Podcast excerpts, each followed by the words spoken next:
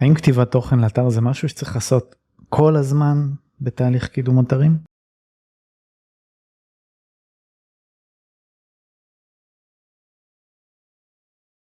אז התשובה היא לא. יש מבחינתי שלושה מרכיבים עיקריים לקידום אורגני שצריך לעשות באופן שוטף כישורים תוכן אופטימיזציה. עכשיו תוכן הוא לא הכרחי אם באתר כבר יש המון תוכן המון בשר לקדם בחנויות וירטואליות למשל אתרי e-commerce בדרך כלל זה אתרים של מאות עמודים לפחות הרבה פעמים גם אלפי ועשרות אלפי עמודים שזה קורה בגלל שיש בהם המון מוצרים והמון קטגוריות כמובן שזה מאוד משתנה מאתר לאתר אבל בממוצע אתרי e-commerce לפחות כמה מאות עמודים שזה הקטנים שבהם.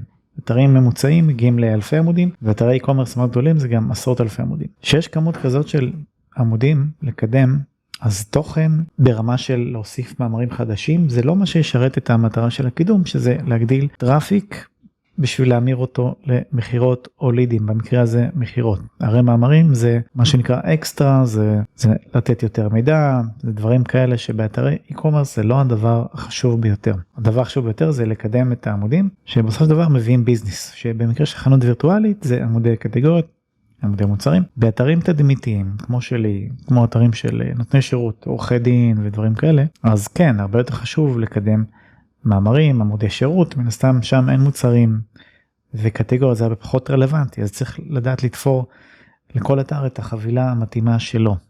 לכן התשובה לשאלה האם חייבים תוכן חדש כל הזמן בשביל לקדם אתר היא לא ממש לא חייבים הכל תלוי באתר עצמו כל מקרה לגופו. שיהיה בהצלחה.